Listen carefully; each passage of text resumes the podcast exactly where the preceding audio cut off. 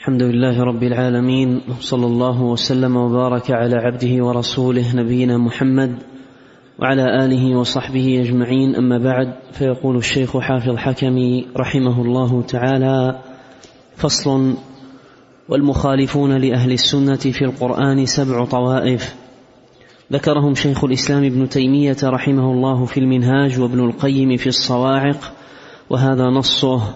قال رحمه الله فصل اختلف أهل الأرض في كلام الله تعالى فذهب الاتحادية القائلون بوحدة الوجود أن كل كلام في الوجود كلام الله نظمه ونثره وحقه وباطله سحره وكفره والسب والشتم والهجر والفحش وأضداده كله عين كلام الله تعالى القائم به كما قال عارفهم وكل كلام في الوجود كلامه سواء علينا نثره ونظامه.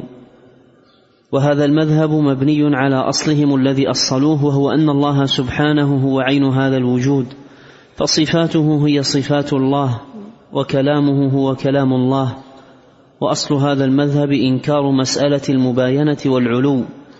فإنهم لما أصلوا أن الله تعالى غير مباين لهذا العالم المحسوس صاروا بين أمرين لا ثالث لهما إلا المكابرة. أحدهما أنه معدوم لا وجود له إذ لو كان موجودا لكان إما داخل العالم وإما خارجا عنه. وهذا معلوم بالضرورة فإنه إذا كان قائما بنفسه فإما أن يكون مباينا للعالم أو محايثا له إما داخلا فيه وإما خارجا عنه. الأمر الثاني أن يكون هو عين هذا العالم فإنه يصح أن يقال فيه حينئذ إنه لا داخل العالم العالم ولا خارجه ولا مباينا له ولا حالا فيه. إذ هو عينه والشيء لا يباين نفسه ولا يحايثها. فرأوا أن هذا خير من إنكار وجوده والحكم عليه بأنه معدوم. ورأوا أن الفرار من هذا إلى إثبات موجود قائم بنفسه لا داخل العالم ولا خارجه ولا متصل به ولا منفصل عنه ولا مباين له ولا محايث ولا فوقه ولا عن يمينه ولا عن يساره ولا خلفه ولا أمامه فرارا إلى ما لا يسيغه عقل ولا تقبله فطرة ولا تأتي به شريعة. ولا يمكن أن يقر ولا يمكن أن يقر برب هذا شأنه إلا على أحد وجهين لا ثالث لهما. أحدهما أن يكون ساريا فيه حالا فيه فهو في كل مكان بذاته وهو قول جميع الجهمية الأقدمين. الوجه الثاني أن يكون وجوده في الذهن لا في الخارج فيكون وجوده سبحانه وجودا عقليا. إذ لو كان موجودا في الأعيان لكان إما عين هذا العالم أو غيره ولو كان غيره لكان إما بائنا عنه أو حالا فيه وكلاهما باطل. فثبت أنه عين هذا العالم فله حينئذ كل اسم حسن وقبيح وكل صفة كمال ونقص وكل كلام حق وباطل نعوذ بالله من ذلك. بسم الله الرحمن الرحيم. الحمد لله رب العالمين وأشهد أن لا إله إلا الله وحده لا شريك له وأشهد أن محمدا عبده ورسوله صلى الله وسلم عليه وعلى آله وأصحابه أجمعين. اللهم علمنا ما ينفعنا وانفعنا بما علمتنا وزدنا علما. وأصلح لنا شأننا كله ولا تكلنا إلى أنفسنا طرفة عين. أما بعد سبق أن بين المصنف رحمه الله تعالى وأطال في البيان والاستدلال عقيدة أهل السنة في كلام الله سبحانه وتعالى وأن الله جل وعلا يتكلم بما شاء متى شاء جل وعلا وأن القرآن كلام الله. منه بدأ وإليه يعود وأنه هو سبحانه وتعالى الذي تكلم به سمعه منه جبريل ونزل به إلى محمد صلى الله عليه وسلم. وإنه لتنزيل رب العالمين نزل به الروح الأمين على قلبك لتكون من المنذرين بلسان عربي مبين. وذكر هناك رحمه الله تعالى الأدلة على ذلك وبسط الأدلة بسطا وافيا من الكتاب والسنة وأيضا أطال في ذكر النقول عن أئمة السلف رحمهم الله تعالى في تقرير ذلك وبيان فساد المذاهب المخالفة لما آه، دل عليه كتاب الله وسنه نبيه صلى الله عليه وسلم. وهنا أراد في خاتمة هذا المبحث أن يشير إلى الأقوال المخالفة. والأقوال المخالفة تعرف ليحذر منها. تعرف ليحذر منها. تعرف لتتقى. ويتقى ما فيها من شر وفساد. لا سيما وأن لكل قوم وارث ولكل أرض حارث ولكل عقيدة فاسدة متبن لها على مر الأيام إذ أهل الباطل لا يزالون يتوارثون باطلهم وينتصر بعضهم لبعض في ضلالهم وباطلهم. ولهذا فإن العلماء رحمهم الله تعالى يشيرون في كتب العقائد خاصة الموسعة مثل هذا الكتاب إلى المذاهب المخالفة من باب التحذير منها وبيان خطرها والتنبيه على ما فيها من فساد وشر وباطل. وهذا المذهب الأول الذي ذكره رحمه الله تعالى من المذاهب المخالفة في كلام الله مذهب الاتحادية ومذهب الاتحادية من أخبث المفاسد من من أخبث المذاهب وأفسدها وأكثرها شرا وإيغالا في الخبث والفساد وينبني على مذهبهم الفاسد هدم الدين كله باجمعه ومعنى الاتحاد تعالى الله عما يقولون أن الرب جل وعلا متحد في المخلوق.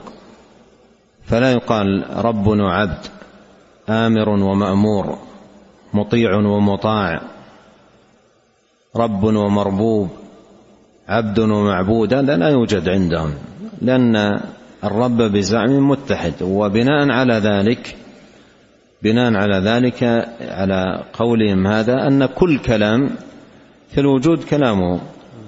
كل كلام سواء كان الكلام فاسدا باطلا كفرا شرا خبثا أيا كان. وهذا المذهب من أخبث المفاسد وأفسدها وشرها وينبني عليه هدم هدم الدين برمته. نعم. قال رحمه الله تعالى المذهب الثاني مذهب الفلاسفة المتأخرين أتباع أرسطو. وهم الذين يحكي ابن سينا والفارابي والطوسي قولهم إن كلام الله فيض فاض من العقل الفعال على النفوس الفاضلة الزكية بحسب استعدادها. فأوجب لها ذلك الفيض تصورات وتصديقات بحسب ما قبلته منه. ولهذه النفوس عندهم ثلاث قوى قوة التصور وقوة التخيل وقوة التعبير. فتدرك بقوة تصورها من المعاني ما يعجز عنه غيرها وتدرك بقوة تخيلها شكل المعقول في صورة المحسوس. فتتصور المعقول صورا نورانية تخاطبها وتكلمها بكلام تسمعه الآذان وهو عندهم كلام الله. ولا حقيقة له في الخارج وإنما ذلك كله من القوة الخيالية الوهمية. قالوا وربما قويت هذه القوة على إسماع ذلك الخطاب لغيرها وتشكيل تلك الصور العقلية لعين الرائي فيرى الملائكة ويسمع خطابهم وكل ذلك يرى, من يرى الملائكة ويسمع خطابهم أي تخيلا. لا حقيقة وإلا عندهم ليس هناك ملك نزل بوحي على الأنبياء هذا لا يوجد أصلا وإنما هذا يعني يقولونه بزعمهم يقول الأنبياء بزعم هؤلاء من قوة التخيل الذي عندهم. نعم. الله عليك. قال رحمه الله تعالى فيرى الملائكة ويسمع خطابهم وكل ذلك من الوهم والخيال لا في الخارج. لا في الخارج لا وجود له حقيقة. نعم. فهذا أصل هؤلاء في إثبات كلام الرب وملائكته ورسله وأنبيائه.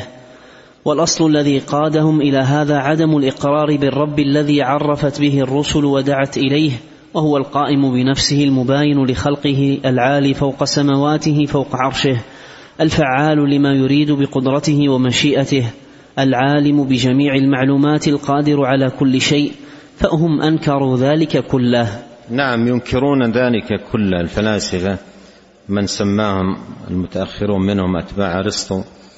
ينكرون ذلك كله ولا يؤمنون بالرب ووجوده وصفاته سبحانه وتعالى ولا يؤمنون أيضا لا بجنة ولا بنار ولا بدار آخرة وكل هذا لا يؤمنون به.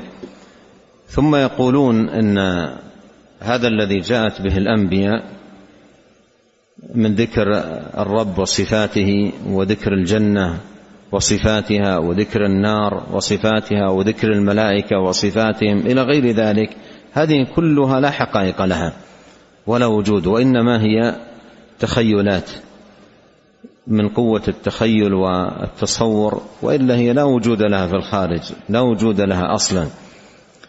وقالوا أيضا إن الأنبياء جاءوا بهذه التخيلات من أجل تهذيب الناس ولا بد في التهذيب من زجر وعقاب وترغيب وأشياء من هذا القبيل فتخيلوا هذه الأشياء وذكروها للناس من أجل تهذيبهم وحملهم على العبادة وحملهم على ما جاءوا به من أعمال فجاءوا بهذه التخيلات وإلا هي لا أصل لها ولا وجود. وهذا مبني على مذهب هؤلاء الفاسد في إنكار الرب سبحانه وتعالى وإنكار صفاته وإنكار ما دعا عباده سبحانه وتعالى للإيمان به من اليوم الآخر والملائكة وغير ذلك من آه، أصول الإيمان العظيمة. نعم. قال رحمه الله تعالى المذهب الثالث مذهب الجهمية النفاة لصفات الرب تعالى. القائلين إن كلامه مخلوق ومن بعض مخلوقاته فلم يقم بذاته سبحانه فاتفقوا على هذا الأصل واختلفوا في فروعه. قال الأشعري رحمه الله في كتاب المقالات اختلفت المعتزلة في كلام الله تعالى هل هو جسم أو ليس بجسم وفي خلقه على ستة أقاويل. فالفرقة الأولى منهم يزعمون أن كلام الله جسم وأنه مخلوق وأنه لا شيء إلا جسم. والفرقة الثانية زعموا أن كلام الخلق عرض. نعم. أن كلام الخلق عرض وهو حركة لأنه لا عرض عندهم إلا الحركة.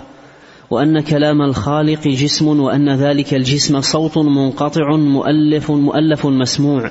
وهو فعل الله وخلقه. وهذا قول أبي الهذيل وأصحابه. وأحال النظام أن يكون كلام الله تعالى أن يكون كلام الله تعالى في أماكن كثيرة أو أم أو مكانين في وقت واحد. وزعم أنه في المكان الذي خلق فيه. والفرقة الثالثة من المعتزل من المعتزلة تزعم أن القرآن مخلوق لله وأنه عرض وأنه يوجد في أماكن كثيرة في وقت واحد. إذا تلاه تال فهو يوجد مع تلاوته وإذا كتبه وجد مع كتابته وإذا حفظه وجد مع حفظه. وهو يوجد في الأماكن بالتلاوة والحفظ والكتابة ولا يجوز عليه الانتقال والزوال. والفرقة الرابعة يزعمون أن كلام الله عز وجل عرض وأنه مخلوق وأحالوا أن يوجد في مكانين في وقت واحد. وزعموا أن المكان الذي خلقه الله تعالى فيه محال انتقاله وزواله منه ووجوده في غيره. وهذا قول جعفر بن حرب وأكثر البغداديين. الفرقة الخامسة أصحاب معمر يزعمون أن القرآن عرض والأعراض عندهم قسمان. قسم منهما يفعله الأحياء وقسم منهما يفعله الأموات. ومحال أن يكون ما يفعله الأموات فعلا للأحياء. والقرآن مفعول وهو عرض ومحال أن يكون الله فعله في الحقيقة لأنهم يحيلون أن تكون الأعراض فعلا لله. وزعموا أن القرآن فعل للمحل الذي يسمع منه. إذا سمع من الشجرة فهو فعل لها وحيث سمع فهو فعل المحل الذي حل فيه. والفرقة السادسة يزعمون أن كلام الله عرض مخلوق وأنه يوجد في أماكن كثيرة في وقت واحد. وهذا قول الإسكافي. واختلفت المعتزلة في كلام الله هل يبقى فقالت فرقة منهم يبقى بعد خلقه وقالت فرقة أخرى لا يبقى وإنما يوجد في الوقت الذي خلقه الله ثم يعدم بعد ذلك. وهذا المذهب هو من فروع ذلك الأصل الباطن المخالف لجميع كتب الله ورسله ولصريح المعقول والفطر من جحد صفات الرب وتعطيل حقائق أسمائه وصفاته ونفي قيام الأفعال به. فلما أصلوا أنه لا يقوم به وصف ولا فعل كان من فروع هذا الأصل أنه لم يتكلم بالقرآن ولا بغيره وأن القرآن مخلوق وطرد ذلك إنكار ربوبيته وإلهيته. فإن ربوبيته سبحانه إنما تتحقق بكونه فعالا مدبرا متصرفا في خلقه يعلم ويقرر ويريد ويسمع ويبصر فإذا انتفت عنه صفة الكلام انتفى الأمر والنهي ولوازمهما.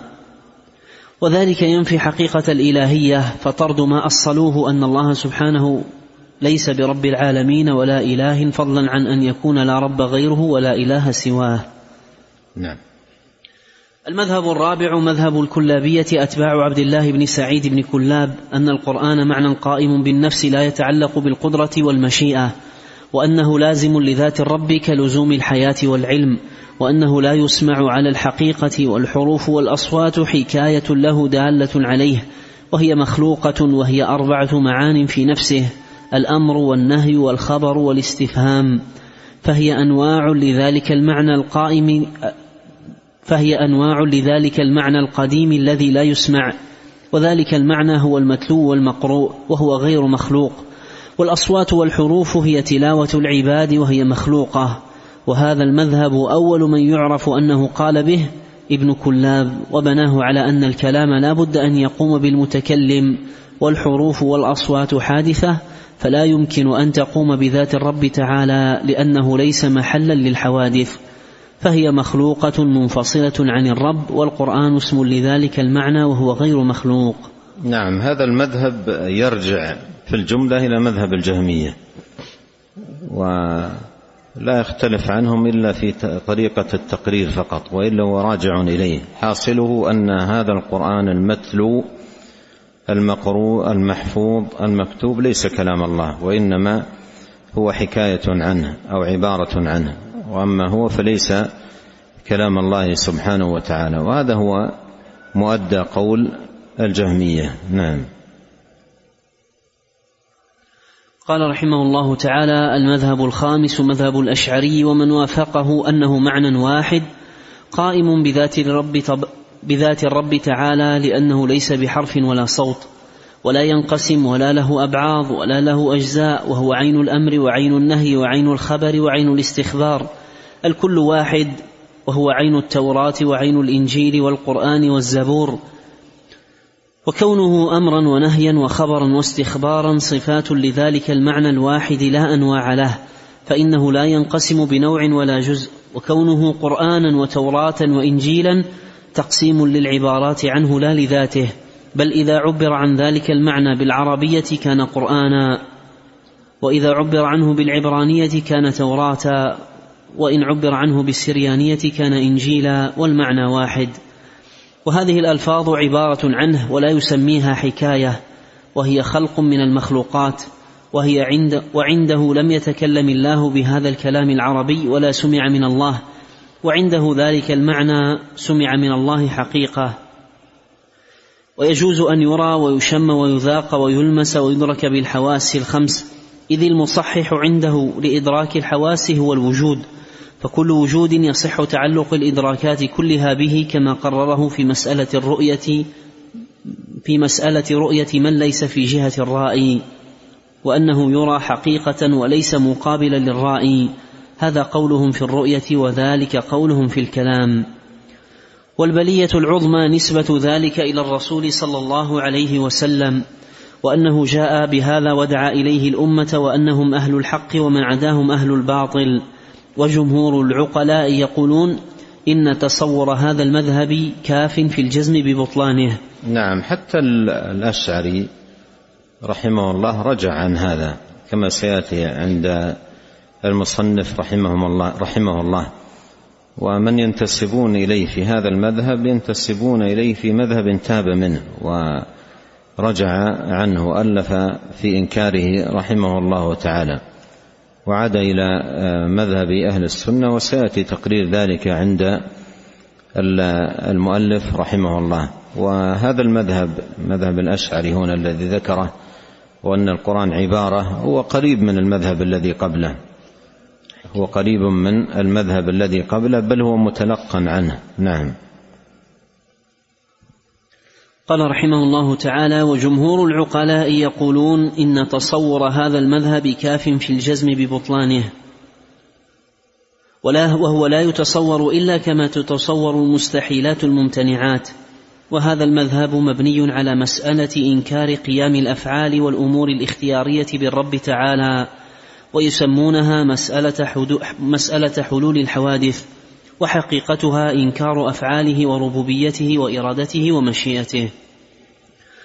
وأقول والحق يقال لا نشك أن ابن القيم أن ابن القيم هذا وشيخه ابن تيمية رحمهم الله تعالى من أعلم من صنف في المقالات والملل والنحل وأدراهم بمواردها ومصادرها وأبصرهم برد الباطل منها وإدحاضه وأوفاهم تقريرا لمذهب السلف أهل السنة والجماعة وأشدهم تمسكا به ونصرة له وأكملهم تحريرا لبراهينه عقلا ونقلا وأكثرهم اشتغالا بهذا الباب.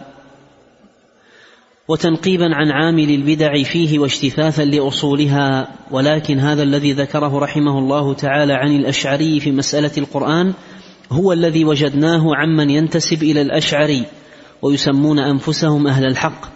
ويقرون ذلك ويكررونه في كتبهم ويناظرون عليه. وأما أبو الحسن الأشعري نفسه رحمه الله تعالى فالذي قرره في كتاب الإبانة الذي هو من آخر ما صنف هو قول أهل الحديث ساقه بحروفه وجاء به برمته واحتج فيه ببراهينهم العقلية والنقلية ثم نقل أقوال الأئمة في ذلك كأحمد بن حنبل ومالك بن أنس والشافعي وأصحابه والحمادين والسفيانين وعبد العزيز بن الماجشون والليث بن سعد وهشام وعيسى بن يونس وحفص بن غياث وسعد بن عامر وعبد الرحمن بن مهدي وأبي بكر بن عياش ووكيع, بن أبي وأوكيع وأبي عاصم النبيل ويعلى بن عبيد ومحمد بن يوسف وبشر بن المفضل وعبد الله بن داود وسلام بن أبي مطيع وابن المبارك وعلي بن وعلي بن عاصم وأحمد بن يونس وأبي نعيم وقبيصة بن عقبة وسليمان بن داود وأبي عبيد القاسم بن سلام وغيرهم. ولولا خوف الإطالة لسقنا فصول كلامه بحروفه. يعني من كتابه الإبانة. أن أطال في نقل آه، كلام السلف وقال فيه أنه بكل ما يقولون يقول وبما يدينون الله سبحانه وتعالى به يدين. نعم. فكلامه يدله على أن فكلامه يدل على أنه مخالف للمنتسب للمنتسبين إليه من المتكلمين في في مسألة القرآن كما هو مخالف لهم في إثباته الاستواء والنزول والرؤية والوجه واليدين والغضب والرضا وغير ذلك. ولهذا يستطيع الباحث المنصف أن يكتب في رد الأشعري على الأشاعرة. يستطيع لأن كتبه التي رجع فيها إلى الحق وقرره مشتملة على ردود على من ينتسبون إلى مذهبه. نعم. قال رحمه الله تعالى وقد صرح في مقالاته بأنه قائل بما قال بما قال الإمام أحمد بن حنبل وأئمة الحديث معتقد وأئمة الحديث معتقد. معتقد ما هم عليه. مثبت لما أثبتوه محرم محرم ما أحدثه المتكلمون من تحريف الكلم عن مواضعه وصرف اللفظ عن ظاهره وإخراجه عن حقيقته. وبالجملة فبينه وبين المنتسبين إليه بون بعيد بل هو بريء منهم وهم منه براء والموعد الله وكفى بالله حسيبا. نعم هذا حق لأن المنتسبين إليه ينتسبون إليه في مذهب تاب منه ورجع عنه. فهو بريء منهم وهم منه براء. نعم. قال والموعد الله وكفى بالله حسيبا وهو حسبنا ونعم الوكيل ولا حول ولا قوة إلا بالله. قال ابن القيم رحمه الله تعالى المذهب السادس مذهب الكرامية وهو أنه متعلق بالمشيئة والقدرة قائم بذات الرب تعالى وهو حروف وأصوات مسموعة وهو حادث بعد أن لم يكن. فهو عندهم متكلم بقدرته ومشيئته بعد أن لم يكن متكلما. كما يقول سائر فرق المتكلمين أنه فعل بقدرته ومشيئته بعد أن لم يكن فاعلا. كما ألزموا به الكرامية في مسألة الكلام فهو لازم لهم في مسألة الفعل. والكرامية أقرب إلى الصواب منهم فإنهم أثبتوا كلاما وفعلا حقيقة قائمين بذات المتكلم الفاعل وجعلوا لها اولا فرارا من القول بحوادث لا أول لها ومنازعوهم أبطلوا حقيقة الكلام والفعل وقالوا لم يقم به فعل ولا كلام البتة وأما من أثبت منهم معنى قائما بنفسه سبحانه فلو كان ما أثبته مفعولا لكان من جنس الإرادة والعلم لم يكن شيئا خارجا عنهما فهم لم يثبتوا لله كلاما ولا فعلا. وأما الكرميه فإنهم جعلوه متكلما بعد أن لم يكن متكلما كما فعله خصومهم فاعلا بعد أن لم يكن فاعلا. المذهب السابع مذهب السالمية ومن وافقهم من أتباع الأئمة الأربعة وأهل الحديث أنه صفة قديمة قائمة بذات الرب تعالى لم يزل ولا يزال لا يتعلق بقدرته ومشيئته. ومع ذلك هو حروف وأصوات وسور وآيات سمعه جبريل منه وسمعه موسى بلا واسطة ويسمعه سبحانه من يشاء. وإسماعه نوعان بواسطة وبلا واسطة. ومع ذلك فحروفه وكلماته لا يسبق بعضها بعضا بل هي مقترنة الباء مع السين مع الميم في آن واحد. ثم لم تكن معدومة في وقت من الأوقات ولا تعدم بل لم تزل قائمة بذاته سبحانه قيام صفة الحياة والسمع والبصر. وجمهور العقلاء قالوا إن تصور هذا المذهب كان في الجزم كاف في الجزم ببطلانه. والبراهين العقلية والأدلة القطعية شاهدة ببطلان هذا هذه المذاهب كلها وأنها مخالفة لصريح العقل والنقل. والعجب أنها هي الدائرة بين فضلاء العالم لا يكادون يعرفون غيرها. ثم ذكر رحمه الله تعالى قول أتباع الرسل وأطال على ذلك ثم مسألة تكلم العباد بالقرآن وساق فيه كثيرا. ثم ذكر اي ابن القيم. نعم. أحسن الله عليكم ثم ذكر رحمه الله تعالى قول أتباع الرسل وأطال على ذلك ثم مسألة تكلم العباد بالقرآن. في كتابه الصواعق كما تقدم. نعم. أحسن الله عليكم ثم مسألة تكلم العباد بالقرآن وساق فيه كثيرا من كلام البخاري رحمه الله تعالى في صحيحه وفي كتاب خلق أفعال العباد لأنه من أحسن الأئمة توضيحا وتفصيلا في هذه المسألة لما جرى عليه من المحنة في شأنها. ثم ذكر الكلام على حروف المعجم وساق فيه أقوال الأئمة ثم ذكر اللفظية في أثناء ذلك والواقفة ثم ذكر فصلا في الكتابة له في, في الرق وغيره. ثم فصلا في السماع ثم الكتابة له يعني القرآن في الرق يعني الكتابة والجلد أو والقرآن كما تقدم معنا. أينما توجه كلام الله. نعم. أحسن الله عليك ثم ذكر فصلا في الكتابة له في الرق وغيره. ثم فصلا في السماع ثم فصلا من كلام شيخ الإسلام ابن تيمية رحمه الله في أول من أظهر إنكار أن الله سبحانه يتكلم بصوت في أثناء المئة الثالثة ابن كلاب وأنكر عليه ذلك أئمة الحديث كأحمد والبخاري وغيرهما. وفي غضون هذه الفصول أبحاث نفيسة لا يستغنى عنها فلتراجع منه. ثم قال رحمه الله تعالى فصل منشأ النزاع منشأ النزاع بين الطوائف أن الرب تعالى هل يتكلم بمشيئته أم كلامه بغير مشيئته؟ على قولين. فقالت طائفة كلامه بغير مشيئته واختياره ثم انقسم هؤلاء أربع فرق. قالت فرقة هو فيض فاض منه بواسطة العقل الفعال على نفس شريفة فتكلمت به كما يقول ابن سينا وأتباعه وينسبونه إلى أرسطو. وفرقة قالت بل هو معنى قائم بذات الرب تعالى هو به متكلم وهو قول الكلابية ومن تبعهم. وانقسم هؤلاء فرقتين فرقة قالت هو معان متعددة في أنفسها أمر ونهي وخبر واستخبار ومعنى جامع لهذه الأربعة. وفرقة قالت بل هو معنى واحد بالعين لا ينقسم ولا يتبعض. الآتي كله إعادة لما سبق بتلخيص. نعم. وفرقة قالت كلامه هو هذه الحروف والأصوات خلقها خارجة عن ذاته فصار بها متكلما. وهذا قول المعتزلة وهو في الأصل قول الجهمية تلقاه عنهم أهل الاعتزال فنسب إليهم. وفرقة قالت يتكلم بقدرته ومشيئته كلاما قائما بذاته سبحانه كما يقوم به سائر أفعاله لكنه حادث النوع.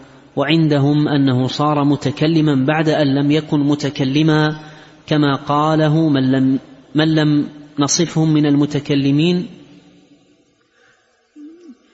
كما قاله من لم نصفهم من المتكلمين أنه صار فاعلا بعد أن لم يكن فاعلا.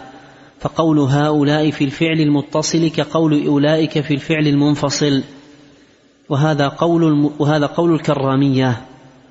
وفرقة قالت يتكلم بمشيئته وكلامه سبحانه وهو الذي يتكلم به الناس وهو الذي يتكلم به الناس كله حقه كله حقه وباطله وصدقه وكذبه كما يقوله طوائف الاتحادية.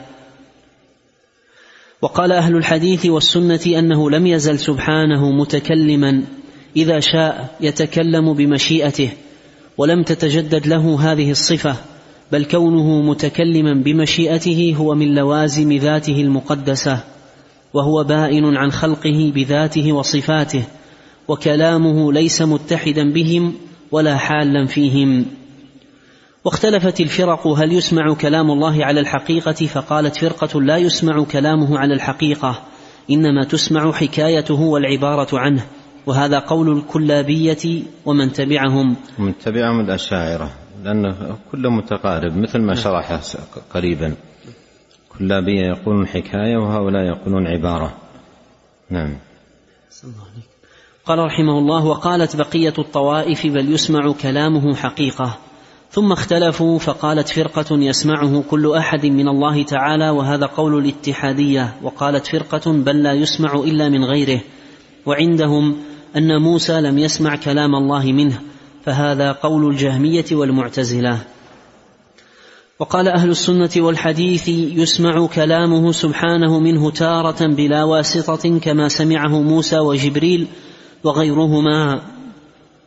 وكما يكلم عباده يوم القيامة ويكلم أهل الجنة ويكلم الأنبياء في الموقف ويسمع من المبلغ عنه كما سمع الأنبياء الوحي من جبريل تبليغا عنه. وكما سمع الصحابة القرآن من الرسول صلى الله عليه وسلم عن الله فسمعوا كلام الله بواسطة المبلغ وكذلك نسمع نحن بواسطة التالي. فإذا قيل وإن أحد من المشركين استجارك فأجره حتى يسمع كلام الله. نسمع من المبلغ أو التالي نعم. الله عليه. قال فإذا قيل المسموع مخلوق أو غير مخلوق قيل له إن أردت المسموع عن الله تعالى فهو كلامه غير مخلوق. وإن أردت المسموع من المبلغ ففيه تفصيل إن سألت عن الصوت الذي روي به كلام الله فهو مخلوق. وإن سألت عن الكلام المؤدى بذلك الصوت فهو غير مخلوق. كما قال السلف قديما الصوت صوت القارئ والكلام كلام البارئ. نعم. قال رحمه الله تعالى والذين قالوا إن الله يتكلم بصوت أربع فرق. فرقة قالت يتكلم بصوت مخلوق منفصل عنه وهم المعتزلة. وفرقة قالت يتكلم بصوت قديم لم يزل ولا يزال وهو وهم السالمية والاقترانية. وفرقة قالت يتكلم بصوت حادث في ذاته بعد أن لم يكن وهم الكرامية. وقول وقال أهل السنة والحديث لم يزل الله تعالى متكلما بصوت إذا شاء والذين قالوا لا يتكلم بصوت فرقتان. أصحاب الفيض والقائلون إن الكلام معنى قائم بالنفس. انتهى ما أردنا ايراده من كلامه رحمه الله تعالى وقد أودع هذه الأقوال وغيرها في مسألة القرآن وغيرها في نونيته الشافية الكافية. وأما مذهب أتباع الرسل فقد قدمنا فيه الشفاء الكافي من نصوص الكتاب والسنة وأقوال سلف الأمة بما لا يحتاج معه إلى غيره وبالله التوفيق. نعم قدم رحمه الله بما فيه كفاية قول أهل السنة بأدلته من الكتاب والسنة وأطال في نقلها لكنه أراد أن يختم رحمه الله تعالى بهذه الخاتمة حتى يعرف أو تعرف هذه المذاهب المخالفة لتحذر وتتقى لا سيما وأن لها وجودا ولها دعاة ولها مصنفات تنتصر أو ينتصر فيها لمثل هذه المذاهب. ومن عافاه الله سبحانه وتعالى فليحمد الله وليسأله الثبات على الحق والهدى وأن يعيده من الزيغ والضلال. وأن يثبته على الحق إلى أن يلقى الله سبحانه وتعالى وهو راض عنه وأن يهديه لما اختلف فيه من الحق بإذنه فإنه سبحانه وتعالى يهدي من يشاء إلى صراط مستقيم. ثم بعد ذلك انتقل في فصل مطول للكلام على توحيد العبادة. وهو فصل عظيم جدا. وفيه تفصيلات وتقريرات وحشد للأدلة وجمع للبراهين بالطريقة التي عهدناها منه رحمه الله تعالى. ونسأل الله الكريم رب العرش العظيم أن ينفعنا أجمعين بما علمنا وأن يزيدنا علما وتوفيقا وأن يصلح لنا شأننا كله. وأن لا يكلنا إلى أنفسنا طرفة عين وأن يغفر لنا ولوالدينا ولمشايخنا ولولاة أمرنا وللمسلمين والمسلمات والمؤمنين والمؤمنات الأحياء منهم والأموات. سبحانك اللهم وبحمدك أشهد أن لا إله إلا أنت أستغفرك وأتوب إليك. اللهم صل وسلم على عبدك ورسولك نبينا محمد وآله وصحبه. جزاكم الله خيرا.